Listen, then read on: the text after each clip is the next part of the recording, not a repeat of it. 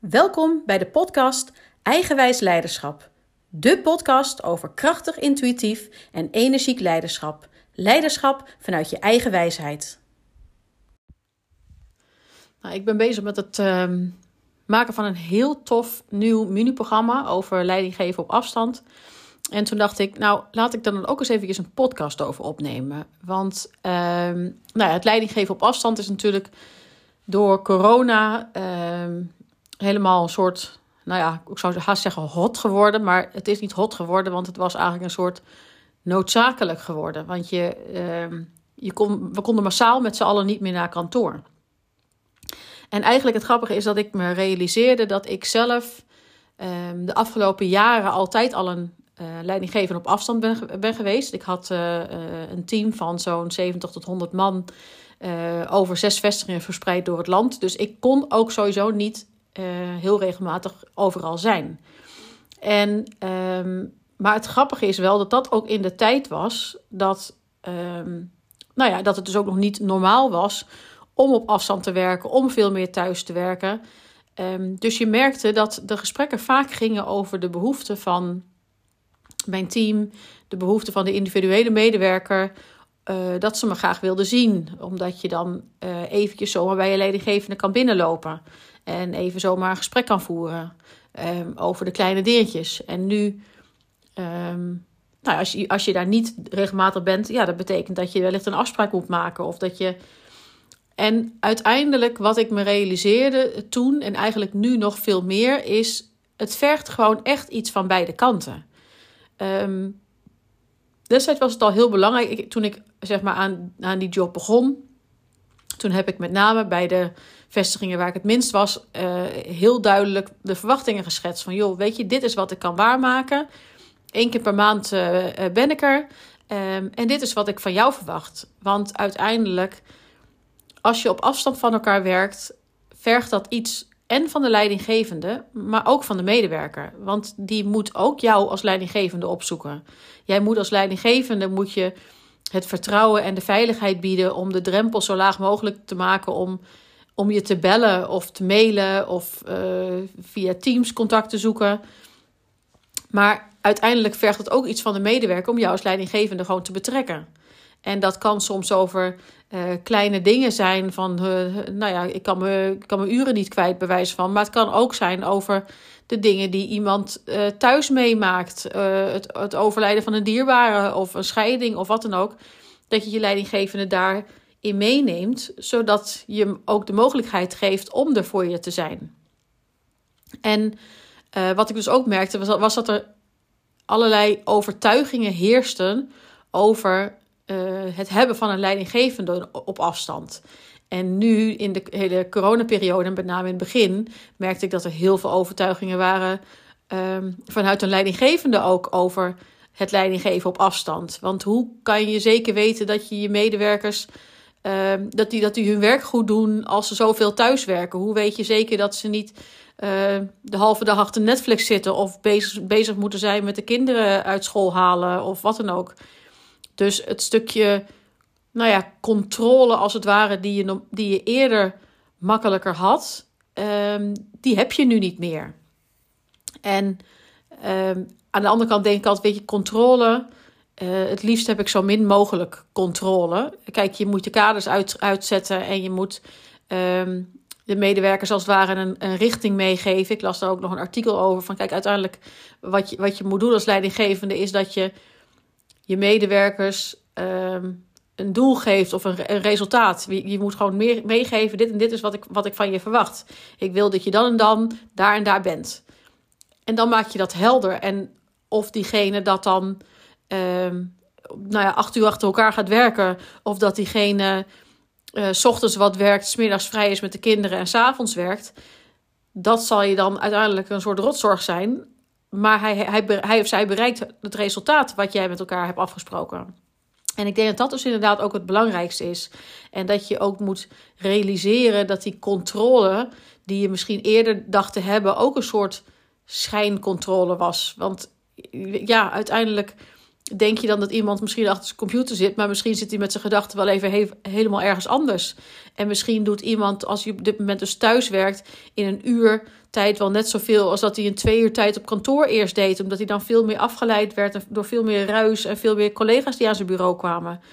Dus vaak de overtuigingen en de oordelen die we erop hebben.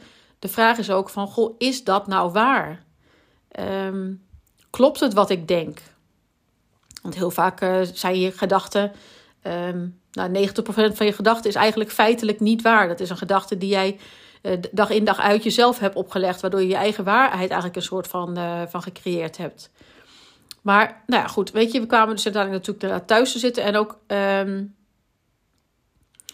het was uiteindelijk ook voor iedereen verschillend. Want, want de een merkte ik om me heen, die vond dat hartstikke ingewikkeld. Zowel medewerker als leidinggevende overigens. Weet je, van ja, je, je, je mist het gevoel van verbinding, van saamhorigheid, die je eerder wellicht wel had. Um, nou is dat sowieso ook met het projectmatig werken. Merkte je ook al dat mensen op kantoor toch een saamhorigheid misten. Omdat er bijvoorbeeld collega's gedetacheerd waren. Of ook nou ja, vanuit wat voor locatie dan ook aan het werk waren. Dus die saamhorigheid is voor mensen belangrijk. En het is sowieso altijd een soort balans vinden tussen ergens bij kunnen horen en je eigen authenticiteit kunnen behouden.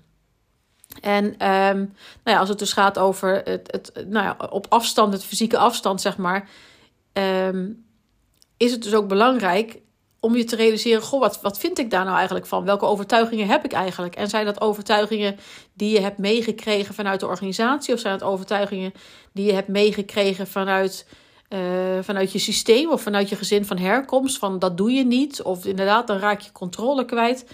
Nou, allemaal dingen om goed te realiseren van waar, waar, waar komen mijn overtuigingen nou eigenlijk vandaan?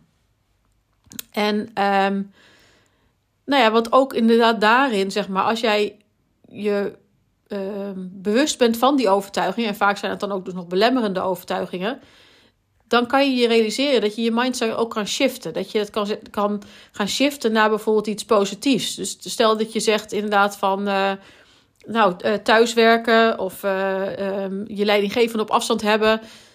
Of leidinggevende op afstand. Dat, dat heeft allemaal beperkingen, want ik ben de controle kwijt dat je dan ook je gedachten een soort van shift naar. Joh, het heeft ook heel veel kansen. En welke kansen kan ik hier nou eens uithalen? Goh, ik kan eigenlijk wel wat langer lekker in mijn eigen bubbel zitten. Of ik kan wat langer in bed blijven liggen. Of ik. Uh, uh, want weet je, uiteindelijk, je kan, je kan vaak wel 50 uh, ehm, beren op de weg zien.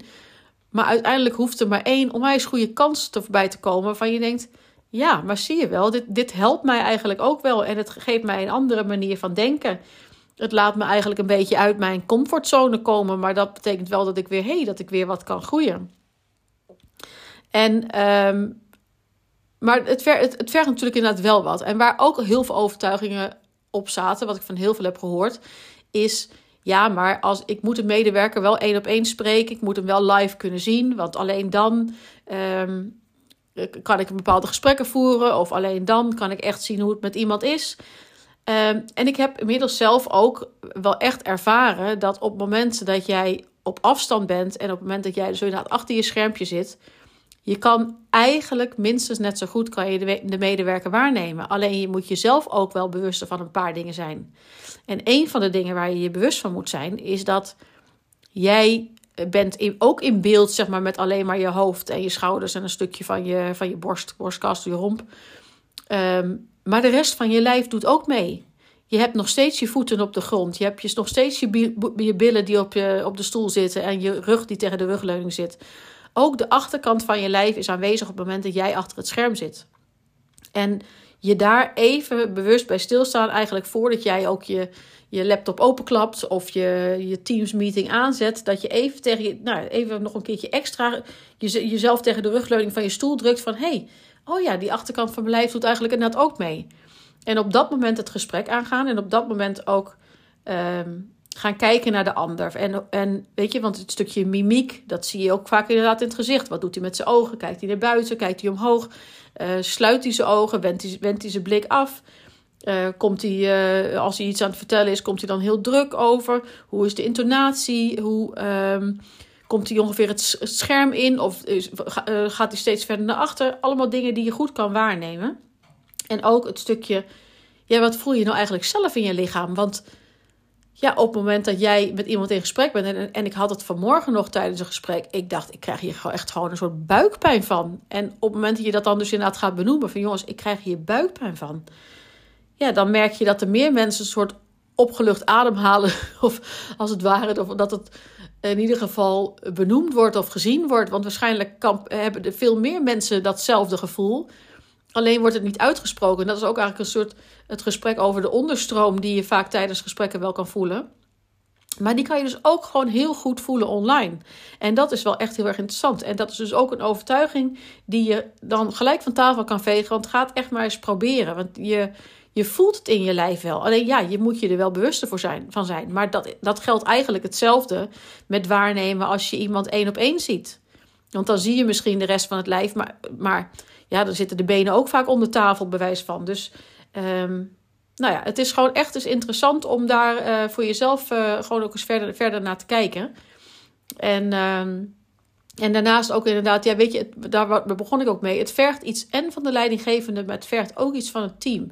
Het vergt dat je uh, samen het gesprek moet gaan aangaan. Dat je de verwachtingen gewoon heel helder moet scheppen. Ehm, dat je kan scheppen wat zij van jou als leidinggevende kunnen verwachten, maar ook wat jij dus inderdaad van, jou, uh, van jouw team verwacht en wat voor momenten jij verwacht dat zij jou gaan bellen. Ik heb ook wel eens gehad, weet je, dat ik heel blij was dat een medewerker mij even belde om te vertellen dat een andere medewerker niet lekker in zijn vel zat. Of dat daar thuis even iets pittigs gebeurd was.